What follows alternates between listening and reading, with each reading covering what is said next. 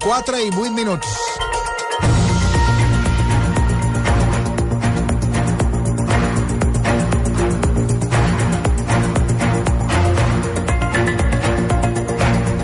En aquesta segona hora del programa entrem en matèria amb el que ha estat succeint i passant als carrers de Catalunya en aquestes darreres 48 hores. Míriam Díaz, bona tarda. Bona tarda. I entrem en matèria parlant dels Mossos d'Esquadra que investiguen si la lesió de la noia que va perdre un ull en els aldarulls de dimarts a Barcelona l'hauria provocat una pilota de foam. Sí, asseguren que ja han començat a analitzar l'actuació dels agents a la zona i que la voluntat és de, de total transparència. N'ha parlat el director general dels Mossos, Pere Ferrer, que ja diu que ja han contactat amb la família de la noia lamentar profundament les ferides que, que ha patit aquest, aquesta ciutadana. Volem traslladar que ahir mateix ja vam iniciar una investigació per esclarir els fets, perquè aquest és el nostre compromís. Són uns fets greus, són unes ferides greus i, per tant, el nostre compromís és en el de la transparència i en el d'explicar què va passar i què va poder provocar aquestes lesions. El col·lectiu Pro Drets Humans Irídia té clar que els Mossos no van respectar els estàndards internacionals sobre aquestes armes i demana imatges per demostrar-ho. L'advocada i codirectora del centre, Naís Franquesa, assegura que hi ha testimonis que mantenen que hi havia gens disparant des de dins de les furgonetes en marxa, cosa que dificultaria la seva identificació. N'ha parlat al món a RAC1. Ahir, eh, una de les qüestions que ens feien arribar testimonis que estaven a la zona, especialment eh, periodistes, és que s'estaven disparant bales de foam des de les furgonetes en moviment directes cap a la massa i que, a més a més, treien, eh, pràcticament no, no, no es veia quina gent ho disparava perquè només sortia la llançadora per, per la finestra, no? I això, doncs, considerem que, entenem que la, la complexitat del moment, eh, això ho podem entendre, però repetint que no es pot disparar directament a, a diguem, a, al que es coneix com a massa, no? com a, al gruix de, de manifestants, i menys amb una furgoneta en moviment i només traient la, traient la, la llançadora per la finestreta, perquè aleshores és que és impossible dur a tenir una traçabilitat Preguntat sobre això aquest matí, el comissari Joan Carles Molinero diu que no els hi consta, però que l'anàlisi de la traçabilitat de les bales els hi ho permetrà saber i corregir-ho, diu, si fos el cas. Estem treballant amb la elaboració i amb la detecció doncs, efectivament de quants eh, eh, equips de foam es van utilitzar, quants projectils es van llançar en les dues manifestacions i la traçabilitat doncs, de quines furgonetes o quins agents del cos de Mossos d'Esquadra, a on i en quina franja horària van utilitzar doncs, aquest tipus de projectils. Els Mossos han llançat 420 bales de foam durant les dues nits d'Aldarulls, 300 dimarts i 120 ahir. La segona nit d'Aldarulls a Catalunya que va acabar amb 33 detinguts i 14 ferits. Sí, 8 d'ells Mossos d'Esquadra. A més, es van cremar 135 contenidors i es van calcinar o danyar 12 vehicles. A Barcelona, per exemple, es va entrar un concessionari de cotxes de l'Eixample o a l'Hotel Mandarina, a Passeig de Gràcia. També es va intentar entrar a l'edifici de la Borsa de Barcelona, però es va aconseguir evitar. La policia insisteix que els que provoquen els aldarulls són grups reduïts, organitzats i molt violents. Ho ha explicat eh, Joan Carles Molinero. Grups de, de persones organitzades molt violentes que eh, van exercir una violència molt gratuïta en els diferents carrers. Persones que varen sortir al carrer ja amb l'objectiu de destrossar les ciutats, saquejar comerços, destrossar mobiliari urbà, atacar els efectius policials i també amb grups de persones oportunistes que aprofiten aquests aldarulls o aquests incidents per saquejar establiments comercials. Ara els Mossos monitoritzaran les xarxes socials per intentar avançar-se als violents. Avui, noves manifestacions convocades, una, per exemple, a la plaça Tatuant de Barcelona a les 7 del vespre. Doncs si hi ha convocada una manifestació, mm, serà el que tornarem a tenir. Uh, de ben segur. Toni Muñoz, periodista de Successos i Tribunals de la Vanguardia, col·laborador de rac Bona tarda. Bona tarda. A veure, Toni, uh, a hores d'ara... Mm, com deia Míriam Díaz, hi ha nova convocatòria per començar a Barcelona, no sé, en altres punts de, de Catalunya, a la plaça Tatuant. No sé quina previsió tenen els Mossos d'Esquadra pel que fa a les mobilitzacions que es poden donar, que es poden portar a terme avui dijous. Doncs la previsió és que si portem dues nits amb Valderulls, doncs aquesta tercera mm, tampoc no es pot descartar.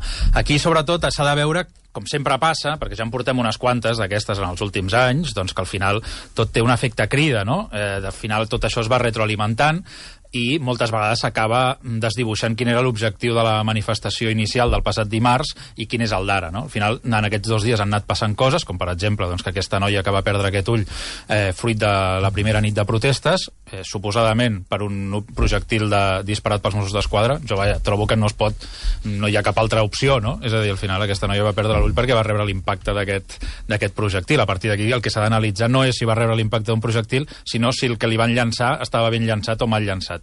Uh -huh. eh, Et recordo trobo... les voltes que vàrem donar amb el cas Esther Quintana, fins sí, que al sí. final van, vam anar, en aquest cas, va anar a parar a la justícia i la justícia va, va dictaminar que era una, una, una... Sí, recordem que no, cas... però, però, però recordo que durant molt de temps, fins i tot Felip Puig, en aquella època, conseller interior, yeah. ell va defensar que no havia estat una, una bala de goma. Aquí, va, aquí van passar dues coses... Una pilota de goma. Van passar dues coses en el cas Esther Quintana que jo crec que són molt pertinents de recordar. La primera, eh, des del Departament d'Interior en, aquella, en aquella època doncs es va dir que no eh, s'havia disparat una pilota de goma, que la senyora Esther Quintana no l'havia ferit un projectil disparat pels Exacte. Mossos d'Esquadra, i després, durant el judici, ja com a part de la defensa que la va portar Olga Tubau, la, que, que ha sigut l'advocada la, la, del major Trapero, doncs va fer una defensa molt intel·ligent, molt més sensible, va dir que sí que havia estat eh, les ferides que li havien provocat a Esther Quintana fruit d'un projectil disparat pels Mossos d'Esquadra, però que no es podia determinar que aquelles dues persones, que van ser un escopeter i un agent de la brigada mòbil, haguessin estat els causants d'aquella lesió, i per tant van quedar absolts, recordem, vull dir, ningú ha pagat per, per allò que va passar, des dels propis Mossos d'Esquadra, tots els que van declarar van dir doncs, que no sabien qui havia disparat, que allà no es va disparar una pilota de goma, i sempre queda aquesta incògnita que realment, quin va ser el material que va ferir a Esther Quintana i li va fer perdre la visió d'un ull. Des d'aleshores, clar, sempre tenim aquesta comparativa entre les pilotes de goma, que suposadament és el projectil que van disparar contra Esther Quintana, tot i que deien que aquella, aquella nit els Mossos no van fer servir aquella eh, pilotes de goma i que sí que van fer servir el FUAM, que és el que ara doncs hauria també ha buidat, també ha buidat aquest ull aquesta, aquest ull. aquesta noia. Um, ara escoltarem diferents testimonis al voltant d'aquest nou, nou accident o en fi, d'aquesta... Tot apunta que és una, un nou projectil de foam en fi, que ha produït, uh, com tu deies, que, que se l'hagi buidat un ull a una altra, en aquest cas una altra dona, però primer de tot Eh, què en sabem dels detinguts? Perquè, clar, ja han passat aquí 48 hores. Eh, comencen a passar davant del jutge? Sí, han començat a passar davant del jutge. Sabem que el jutjat d'instrucció número 1 de Lleida avui ha rebut la compareixença de set persones que van quedar detingudes per la, els aldarulls que es van provocar dilluns, perdona, dimarts a Lleida aquestes persones han quedat en llibertat amb càrrecs per eh, desordres públics. I també a Vic, tres persones que van ser detingudes després doncs, que es produïssin aquells incidents tan greus en la comissaria sí. dels Mossos d'Esquadra de Vic, i també han quedat en llibertat, però amb els càrrecs, en aquest cas, de desordres públics i de danys. Si et sembla, Toni, fem un parèntesi perquè eh, aquest matí hem pogut escoltar un testimoni de, concretament d'una amiga de la jove eh, que malauradament ha perdut un ull, que ha explicat a Ser Catalunya què és el que va passar. Eh, Míriam Díaz. Sí, eh, es diu Laia, ha assegurat que, que van haver de convèncer la jove ferida per anar a la manifestació, que en un primer moment no hi volia anar, en un moment de molta tensió... Eh, no hi volia anar. No hi volia anar. Atenció la, la, el, el destí, eh? Ella no volia anar a la manifestació. Exacte. A més, és una noia que li va presentar fa poc una altra, una altra amiga, Um, i per tant um, amb l'altra amiga la van intentar convèncer per anar a la manifestació que no hi volia anar.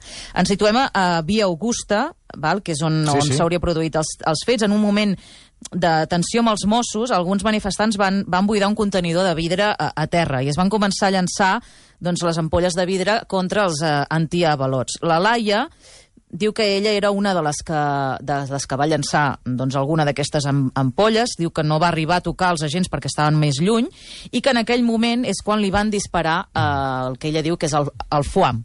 Ella va aconseguir esquivar-lo, però no la seva amiga, que estava més allunyada i sense participar en el llançament d'objectes. Estàvem a una distància molt gran.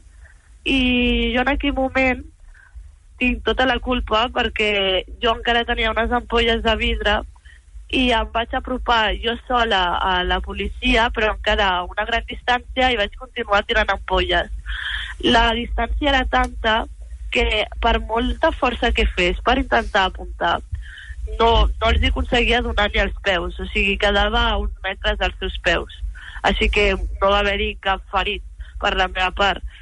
Encara així, un policia van apuntar-me i malauradament eh, i per gràcies a mi jo vaig esquivar el, la bala però la meva amiga, la que tenia en comú amb la ferida, em va dir, escolta, Laia, que t'han disparat a tu, no sé què, estàs bé? I vam mirar darrere i hi havia una persona ferida i van començar a cridar ambulància, ambulància, sisplau i me, unes hores més tard ens vam enterar que era la nostra amiga perquè jo feia temps que l'havia perdut a vista perquè com ella havia vingut a la manifestació totalment pacíficament que per fer no va ni insultar la policia ni, ni res eh, imaginàvem que ja s'havia anat amb, el, amb un altre grup de companys eh, lluny de tot el jaleo.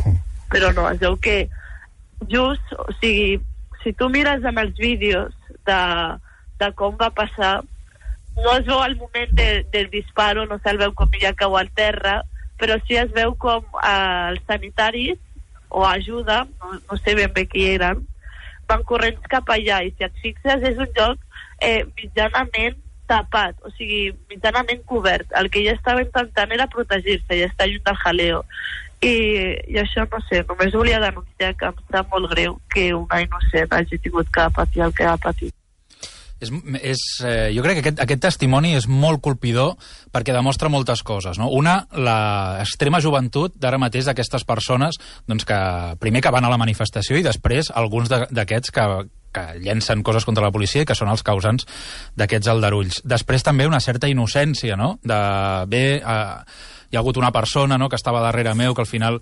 Eh, després mm, també s'ha d'analitzar, veure aquest, aquesta, aquesta noia segur que serà testimoni si s'obre una causa judicial per veure a quina altura anava aquest, aquest projectil que li van disparar, no? Perquè si es va poder apartar, però es va apartar perquè anava molt amunt, anava molt avall, anava on estava ella, no? Vull dir, hi ha una, un, un dels fets que estan sobtant molt des de fa un temps a la policia, eh, a la policia i a la resta de periodistes que anem allà, eh? i és que ens trobem amb gent que són molt jove, molt jove, vull dir, estem, aquesta noia em sembla que té 17 anys. Sí, ha dit que era menor. Sí, sí. Vull dir que estem parlant de, de, de gent molt jove, mm, adolescents, eh, 18, 19, 20 anys, i que tenen la policia, en aquest cas, no, eh, a la diana, no, com a objectiu, diguéssim, de la seva, de la seva actuació.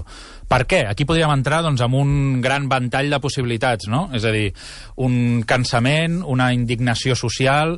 Avui parlaven de, de que era gent doncs, sense, sense cap mena de futur, no? és a dir, que a sobre tot això agreujat amb una situació de pandèmia i que cada vegada que hi ha una manifestació, últimament estem acostumats ja a que acabi amb, amb aquest tipus d'aldarulls i enfrontaments a la policia. Per tant, aquest diria seria la gran radiografia i que jo trobo que és molt en fi, molt, molt rellevant aquest, eh, aquest testimoni d'aquesta noia. Mm -hmm. A més de, de dir que se sentia culpable per, perquè la seva amiga havia rebut sí, el, aquesta és l'altra. el fuam. Si tu li dius a la teva amiga que anem a la manifestació, ella no vol anar, i neu, i ella, que no hi vol participar massa, resulta que és la que, la, la que surt, en aquest cas... Eh, I que fa, no participa fa... del jaleo, que diu ella. Sí, sí. Diu, no dany col·lateral, que en diuen, sí, no? Sí, sí, exacte. exacte. Dany col·lateral. Exacte, això que, que vam aprendre que era un eufemisme indigne, sí, sí, totalment. els danys col·laterals, que ho va posar de manifest el govern nord-americà quan bombardejava Iraq, mm -hmm. danys col·laterals, sí. doncs ella ni, ni, ni, o sigui, va anar per acompanyar-la, i va, i, i de moment o sigui, ha estat la persona que ha perdut un ull, no? Sí, sí. Amb, amb, el, que, amb el que deia el Toni, eh, sí. la Laia també um, ha vingut a, a dir el per què ella assisteix a aquestes manifestacions i a, a justificar el per què d'aquesta violència contra la policia. Òbviament sé que la forma d'aconseguir uh, la llibertat, per exemple, en aquest cas del Pablo Hassel, no és tirar ampolles de vidre a la policia i tot això va ser perquè estàvem cabrejats i per enfadar la policia, enfadar el poble i enfadar l'Estat. La gent que no pensi que estem allà només perquè volem fer el daró. I és veritat que hi ha molta gent que, que s'aprofita de les manifestacions per saquejar i per fer el, el gamberro, per dir-ho d'una forma. Però el jovent aquí no, no està perquè tingui ganes de gresca, ni està fent tot això per fiesta fiesta, sinó els joves realment el que tenim és por i estem actuant per por i una forma d'autodefensa perquè l'únic que estem cercant és tindre un bon futur i ser lliures.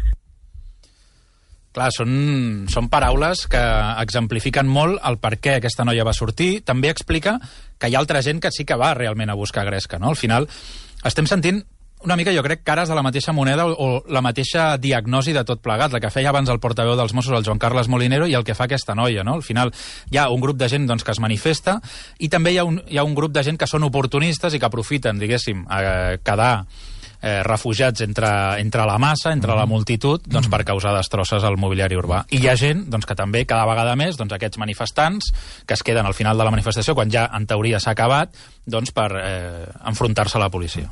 Hi ha un... Eh, perquè, com, com bé li preguntava al Toni Muñoz, els manifestants detinguts en aquestes darreres 48 hores passen per davant del jutge. Eh, en aquest cas, el jutge d'instrucció 4 de Barcelona ha deixat en llibertat provisional a 7 detinguts, però n'hi ha un que ha ingressat, eh, serà ingressat eh, en presó provisional. Això és, eh, si més no, el que anem, anem coneixent. Sí, eh, és mesura. d'última hora, efectivament. Exacte, efectivament. Sí, sí, s'ha acordat la presó provisional comunicada per un dels detinguts Ah, exacte. a Barcelona. Vull dir que... que Déu-n'hi-do. Vull dir... Sí, sí.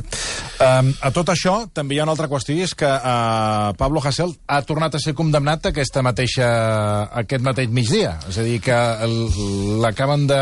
És a dir, amb tot el sidral que ara mateix hi ha, no només a Catalunya, sinó a Espanya, Mm. o sigui, perquè, clar, això està generant una crisi de govern. O sigui, atenció amb el cas Hasél, que potser sí que, que en el fons eh, està sacsejant l'Estat, Pablo Hasél, perquè el govern eh, està eh, eh, con, o sigui, s'està conf confrontant uns amb els altres, a dir, eh, Unides Podem amb el Partit Socialista sobre aquesta qüestió, perquè avui Unides Podem, eh, Podemos no ha volgut, eh, en aquest cas, eh, condemnar els fets, eh, que, els fets violents. No els ha volgut condemnar. El Partit Socialista li ha recriminat. L'oposició se'ls està tenint a sobre, està demanant la dimissió de, de Pablo Iglesias, és a dir, que està sacsejant eh, aquesta qüestió eh, eh, doncs l'Estat. I, I ves per on hem conegut una nova sentència. Doncs sí, una sentència que ha dictat l'Audiència de Lleida que ha confirmat una altra condemna de dos anys i mig de presó per Pablo Hasél per amenaçar un testimoni d'un judici contra un guàrdia urbà de Lleida i aquesta pena ara s'ha de decidir si se li podria sumar els nou mesos de presó que està complint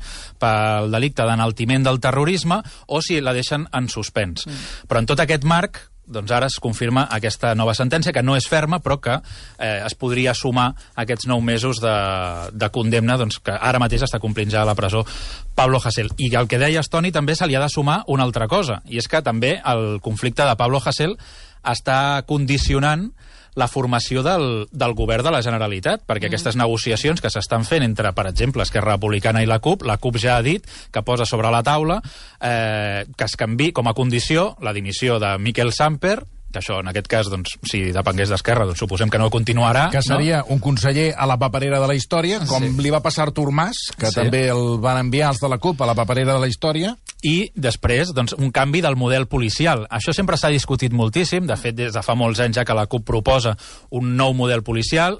Eh, Josep Lluís Trapero, quan va entrar en el seu dia, a la primera etapa com a major dels Mossos, ja va voler adoptar una nova manera, un nou model policial més basat en l'acumulació d'efectius i no tant amb el contacte amb els, amb els manifestants. De fet, per això, ara es disparen aquests projectils de foam per evitar el cos a cos, per evitar l'ús de les porres, però clar, ara això també doncs, està en qüestió, després, òbviament, de que s'hagi produït aquest, eh, aquest incident amb, que li han buidat un ull amb aquesta noia, i ara doncs veurem si realment s'obre un altre debat al voltant de les pistoles eh, de, que disparen projectils de foam i si es torna a posar doncs, en el focus o en el centre del debat el canvi del model policial a Catalunya. I jo crec, eh, avui ho parlava a la reunió del matí, però jo mm, m'agradaria, no és que cregui, m'agradaria escoltar el major Trapero.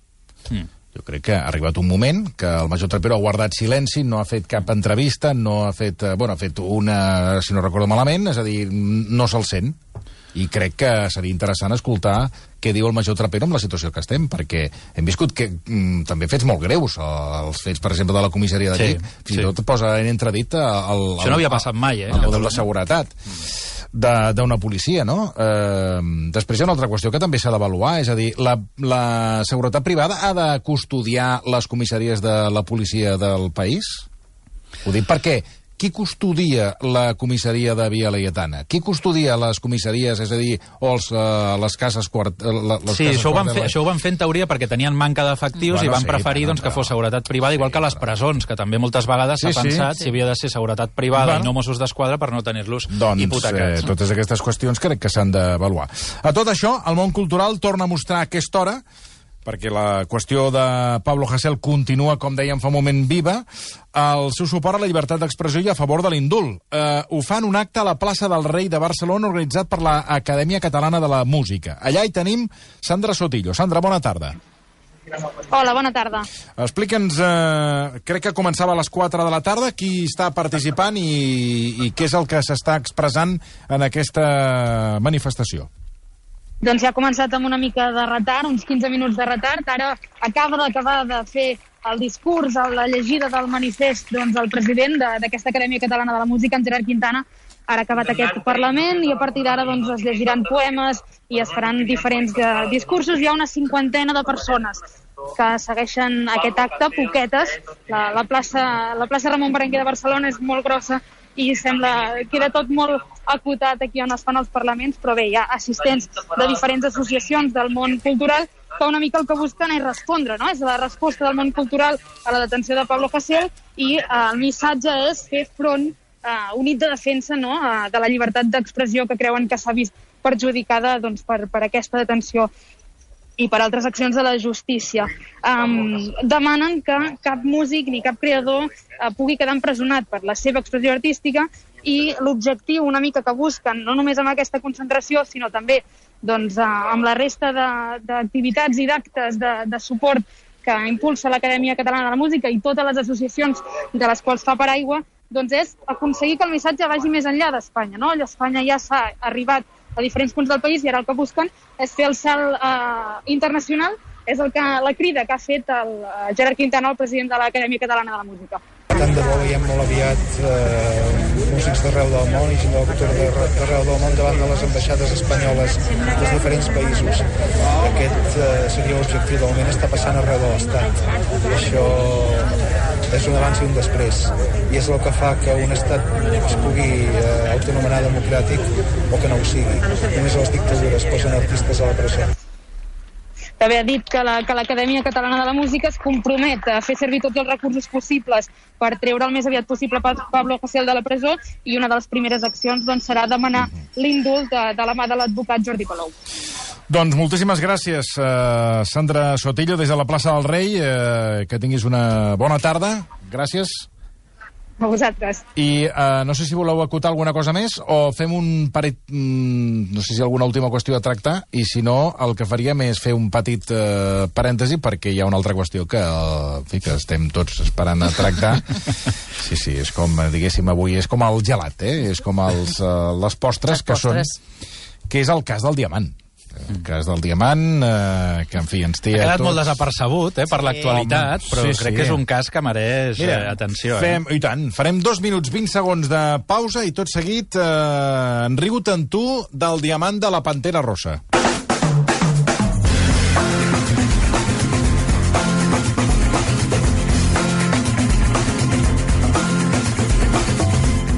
Els Mossos d'Esquadra i la Policia Nacional, en coordinació amb la Policia Judicial Gala, han desarticulat, han desarticulat a França la banda que va robar a Barcelona, cosa que desconeixíem, un diamant milionari a l'estil de la pel·lícula Ocean's Eleven. La detenció dels vuit acusats s'ha fet en una operació internacional. A veure, eh, entrem a matèria... Per cert, deixeu-me saludar a aquesta hora Montse Llussà també. Montse, bona tarda. Sí, sí, molt interessada. Bona tarda. Què Bona tarda. Sí, home, i tant, i tant. El robatori va tenir lloc a Barcelona i, pel que, i pel que, pels que estaven acusats es va produir el passat 2 de gener. Com, com, van, com va anar aquest robatori? Mira, 2 de gener del 2020, eh? De fa un any. 2 de gener del 2020. Ah, o sigui, ha passat un any. Ha passat un any. Ara els han trobat i els han detingut. Però, clar, ja és ara, quan els han detingut, que hem sapigut el que va passar. I tot això va passar a l'hotel Esperia Diagonal, molt a prop d'aquí la ràdio, aquí Ah, sí? a, a l'altra banda de la vorera. Sí. Aquest hotel... Aquest hotel? Sí, que to, uh, Diagonal Montaner. Aquest. Aquest hotel, mira, eh, m'evitaré anar a judici, perquè... Però conec... està bé, un- està bé, aquest no, hotel. però conec Està un molt bé. parell, un parell o tres de casos, concretament dos casos de gent Mm. que havia deixat les seves eh, pertinences a la caixa forta i no les havien trobat. No sé si les van perdre. Però jo em consta perquè perquè ho sé, és a dir, que és allò que dius Mira, és un hotel que passen aquesta... Bueno, que, que a vegades passen... No només en aquest, passa a no, tots. a molts, a molts. Sí. Però Però aquest hotel aquest és molt maco, eh? dit- Deixa'm dir-ho, que és un, Sí, és un sí, hotel sí, molt sí. maco. Home, hi he anat moltes Molt vegades jo. Com? Inclús pots anar a prendre alguna Aquí cosa i tal, i està molt bé. Perdoneu, I en quan sofàs... tu tens una reunió que necessites Sí, sí, uh, tranquil·litat i has d'estar Ah, ah, ah, conversant una llarga estona, doncs uh, vas a aquest hotel. Per exemple, amb Víctor Amela, sí. uh, un dia, uh, la primera Ah, sí? ah, contra de La Vanguardia vam estar amb el Víctor Amela i, i escolta, el Víctor allà, i allà es fan moltes sí. contres, i hasta aquí puedo leer. Perquè sempre trobes algú de la contra fent, sí. fent contres allà. No, es fan entrevistes. Jo allà també, pel, Sí. pel meu llibre vaig fer moltes tant, entrevistes allà. i tant. Vull dir que és el, allò que se'n diu el, el, el, el lobby, no? El hall, o no Ah, sé sí, com se el- li diu. El, bueno, aquella sí. sala de sofàs Sí, aquella. allà, perdona, però per tenir una conversa tranquil·lament, sense tenir tres, tres persones enganxades a la conversa que t'estiguin escoltant amb l'orella, que és una cosa que a mi em posa dels nervis, aquests llocs que vas a prendre alguna cosa i tens tot de gent allà posant Eh, l'orella, a veure veure què què diu, pillen, que és de la tele. doncs és un excel·lent lloc. Sí, sí, fantàstic. Bueno, doncs, estem, allà. estem en aquest hotel. Estem en aquest hotel, l'hotel Esperia Diagonal de Barcelona, Sí. i allà s'havia de fer la transacció d'un diamant púrpura, que és la alta gamma dels diamants, el, el, el més car. Estava valorat en uns 15 milions d'euros, Però s'havia de fer la, la transacció que a la, zona... en una, en una habitació. Ah, en una Sí. habitació. Aquí un empresari suís havia quedat amb un, amb un tassador i amb una empresa de brokers que, mm, diguéssim, apadrinaven tot aquell procediment perquè sembla que hi havia un comprador interessat en la compra d'aquest diamant púrpura valorat en 15 milions d'euros. Aleshores, per fer aquesta operació, el que havien de fer és quedar en aquest, en aquest hotel, a l'hotel Esperia Diagonal, van pujar en una habitació, i allà havien de tassar el valor d'aquest eh, diamant. El, el propietari d'aquest diamant era un empresari suís que va viatjar des de Dubai, va aterrar a l'aeroport del Prat, va contractar un servei de seguretat privada perquè custodiés i l'escortés fins a arribar a l'hotel, M'imagina, passa amb un regalito de 15 milions de 15 d'euros. milions d'euros. I allà es va trobar amb, amb una tassadora, que era una senyora d'un... Bueno, una noia d'uns 25 anys, amb bona planta, bona presència, amb la, aquesta empresa de brokers que no sabien res al final de l'enganyifa, però que van ser qui van localitzar aquest possible comprador i s'havien posat eh, en contacte doncs, amb, el, amb el venedor i van fer aquesta reunió. Allà aquesta tassadora va agafar el diamant, que estava en una caixeta, va mirar, va... Sí, el va, no, allò que es posen a l'ull, allò aquella Exacte. cosa que es posen a Va l'ull. mirar Sí. i va dir... Sí, una lupa. amb una lupa, va analitzar molt bé quin era aquell metall preciós i va dir, sí, sí, això és vàlid, és de veritat, i, i el preu són uns 15 milions d'euros. És que imagina't, eh? Tens una pedra de 15 milions d'euros. de I aleshores aquesta, aquesta senyora, eh, tot allò, el comprador estava allà al davant, va agafar aquesta caixeta, va anar cap a la caixa forta i van dir, ara el deixem aquí, el precintem i ja està. Semblava... La caixa forta, disculpa, de l'habitació. de l'habitació. La caixa forta de l'habitació. Clar, aquí eh, va haver-hi per això un moviment estrany que això, passat el temps, se'n van adonar, però que en aquell moment ningú li va Ara, cridar l'atenció. disculpa, i fa, que, disculpa eh, que et faci un incís, però, a veure, ah. un diamant de 15 milions d'euros amb, una, amb una caixa forta d'un hotel, o sigui, de l'habitació de l'hotel, mm. si són de fireta, aquestes caixes. O sigui, Bueno, jo, ningú- jo poso... Mm. Quan, no sé... Un, dos, tres, quatre. De codi. Jo sempre. Però sempre hi deixo, doncs què et diré, el, el banyador, pràcticament, no deixo res El més. banyador. Vull dir, és una caixa... Jo m'ho porto el rellotge. No, no, jo sempre m'ho porto tot. Jo no deixo mai res a les habitacions dels hotels. Mai, perquè, perquè mira, bueno, Mm. endavant, endavant. No, no, però aquí hi havia, hi havia gent, hi havia el comprador, hi havia... Home, esclar, gent de confiança. Clar, gent de Però confiança. van vull dir, tancar, no està- van no, tancar el, el, el diamant al, a la caixa forta i es van quedar tots a fora mirant-lo? No, no, no, és que no el van arribar a tancar. Com? Mira, mira, aquí el que van fer va ser... Aquesta senyora va anar a dipositar aquesta tassadora, un cop va fer tota la maniobra per precintar-lo i tal, el va posar dins la caixa forta. Tot i això, va fer marxa enrere un moment i va dir "Es- perdoneu, que he d'acabar de canviar el, el precinte, que no l'he posat bé. Ah. Aleshores, ningú... Doncs ella va tornar allà, davant de la mirada de tothom, va manipular aquest diamant dins la caixa forta i se'n va anar. I va dir, ara, si em disculpeu, trucaré al, al comprador per dir-li que tot està bé, que realment el valor que té aquest diamant són 15 milions d'euros, i ara torno i aleshores ja podem eh, tirar endavant aquesta operació. Ens està encantant, aquesta història. Aquesta senyora va marxar de l'habitació, van passar uns minuts, mm, on està la tassadora, va passar un més minuts, on està la tassadora, van passar ja mitja hora, ja tothom es va començar a posar nerviós, aleshores van obrir la caixa forta, van obrir la caixeta i van veure que havia desaparegut el diamant i la Oh. I així és com es va perpetrar aquest, aquest robatori. Un robatori d'un diamant de 15 milions d'euros amb un engany, diguéssim, quasi de, dels trilers de, de, de la Rambla. No? Però, perdona, eh, que hi ha hagut un moment que m'he perdut, eh? No, no, em demanava la música, Lucas. Home, no m'ho treguis, això, que és interessantíssim. O sigui, quan estan fent la tassació, mm -hmm. qui va trucar a la tassadora? La tassadora sembla que... Eh, Sí, qui- la, que clar, crec, la, la la, posa, la posa el comprador. I és la que s'emporta el diamant. Clar, el que es va de- determinar després és que aquesta tassadora estava consorciada Clar, amb el comprador. que formaven part d'un clan que es dedica a això, a robar diamants preciosos i que ja havien, després, doncs, eh, a la ciutat de Canes, també van robar un diamant de, de 3 milions d'euros, fent servir el mateix truc. Perquè, clar, després... Eh, clar, on color, com, o sigui, a on el vens, aquest diamant de 15 milions d'euros? Sembla ser que el que va No precipitar... deixa rastre, allò, perquè, clar, estem parlant de 15 milions d'euros. Sembla ser que havien trobat un parell de compradors a Dubai, al mercat Ah. negre, i Mm. van precipitar aquesta operació amb la policia francesa i els Mossos d'Esquadra per interceptar doncs, que no es dugués a terme doncs, aquesta operació. Van detenir aquestes vuit persones, al, firma, al final formaven part d'un clan que es deien Tudorache, d'origen romanès i afincats a França, que, curiosament, abans, durant tota la seva vida, s'havien dedicat als furs al metro. És a dir, eren gent que anaven pel metro robant cartera. Clar, però ja va, I que ara, ja, ara, però jo, crec, jo crec que va, va haver un moment que es van plantejar fer una ampliació del negoci. Van dir, Sí, aquí hombre. només amb furs al metro no dona. Clar, i van canviar, van Clar. canviar el, el sentit, diguéssim, del negoci i es van dedicar als diamants preciosos. Però escolta, aquesta tassadora, eh, molta habilitat, tipus Mago Pop, Exacte.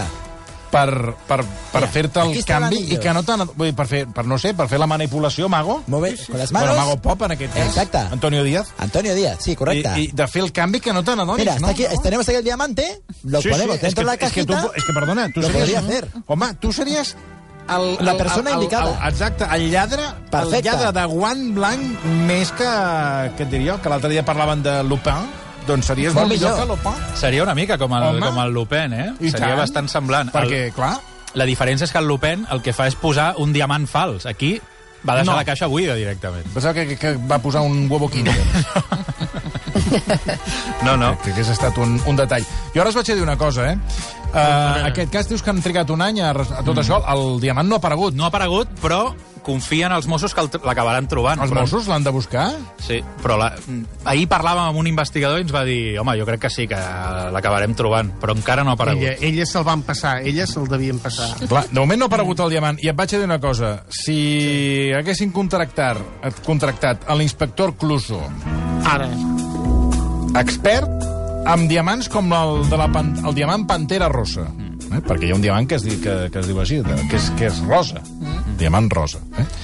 amb interrogatoris tan precisos com aquests de l'inspector Clusó, molt abans s'hagués resolt aquest cas. ¿Quién es usted? Soy Shork, el jardinero. ¿Y a qué se dedica usted? Soy jardinero. ¿Por qué razón no me lo dijo al principio? Se lo dije. No intente hacerse el gracioso conmigo, monsieur. Este es un asunto de lo más serio. Todos los reunidos en esta habitación son sospechosos. ¿En esta habitación? ¿Qué? ¿Ha dicho en esta habitación? ¿Lo ha dicho usted? Sí, ya lo sé. Y hay bastantes sospechas de que alguien en esta habitación sepa más sobre el asesinato de lo que él dice. ¿Asesinato? ¿Qué ha dicho usted? He dicho asesinato. ¿Qué asesinato? Pu- pu- Pues no lo sé, asesinato lo ha dicho usted. Que yo lo he dicho. Usted lo ha dicho. Yo he dicho asesinato porque usted ha dicho asesinato. Que yo he dicho asesinato. Usted ha dicho que hay sospechas de que en esta habitación hay alguien que sabe más sobre el asesinato de lo que dice. Escúcheme. Eh, ¿Cuál es su nombre? Shork. El cocinero. El jardinero. Ah, ya vamos aclarando algo. Clar, en mans de l'inspector Clusó això, això canvia, això canvia. Uh, o, o... Mira, perdona. Què tal? Sí, hay que ser más serios. si hablamos de robos, hablamos de Dionisio Rodríguez Martín el Dioni. Pero, pero a ver un momento, a ver un momento, Dioni. O sea, estamos hablando de un diamante, Sí, perquè això, sí, això li sí, dona sí, ja sí. un altre nivell. Un altre nivell. Eh? Un Una altra diamante lliga, és una altra de, lliga. exacte, no de un furgón con dinero, ¿eh? Perdona, lo mío fue de mucha más astucia que lo de la tasadora. O sea, yo te puedo contar cómo robé un furgón con 300 millones. Sí, però el és que no és el mateix. Home, 89. estem parlant d'un diamant, un diamant de 15 milions d'euros. Mira, en los grandes robos... És de Lupin, per cert, que Lupin Este un- comença el primer... Sí, per això t'ho el- deia. Hosti, és veritat. Li havia caigut. Ara estava pensant. Sí, sí, un collaret de diamants. Que gran. Sí, sí. És aquell el canvia per un, diguéssim, de bijuteria. falso, una falso. Aquí, aquí no, aquí, Aquí la, no, aquí deixa la tasadora. caixa buida i ja està. Tu. Mira, en los grandes robos... eh, ¿Cómo robaste tú el furgón? Pues hombre, pues eh, yendo sobre la marcha. O sea, hay que encontrar la oportunidad. Es muy importante encontrar la oportunidad. Yo lo hice exactamente así. ¿Pero ¿Cómo fue? ¿Cómo fue? Fue un plan, un plan fugaz, eh, muy estudiado. La clave fue, pues, eh, encontrar la manera de quedarme yo dentro del furgón cuando mis compañeros salieron a recoger el dinero de este... Ah, en una oficina bancaria. Claro, no, no, en otras tiendas. Ah, Eran- sí, allò que les... la, reca- la recaudación. Pues tú yo cogiste el furgón y te bueno, largaste. De una, de una excusa buenísima para quedarme dentro, muy ver. planeado. ¿Y qué les dices a tus compañeros para quedarte tú dentro del furgón mientras ellos mira. recaudaban? Me vino Dios a ver unos días antes porque padecía de ciática. Entonces mi compañero, el conductor, José Luis, José Luis Terrón, pues no, no le sorprendió, porque ya llevaba varios días, el que le dijera, por favor, baja a hacer tú la recogida que tengo un dolor bastante agudo. Claro, la ciática. Ja, clar. Dije que me había pinchado la, la ciática. I amb y- l'excusa de la Punyetera, la ciàtica ciàtica. vas agafar el cotxe i vas tocar el dos. Bueno, que no sabía ni cómo funcionaba ¿eh? el furgón, porque no había conducido un furgón yo en mi vida. Y una vez robado, pues bueno, eh, pues eh, no sabía ni cómo funcionaba, pero bueno, me lo saqué.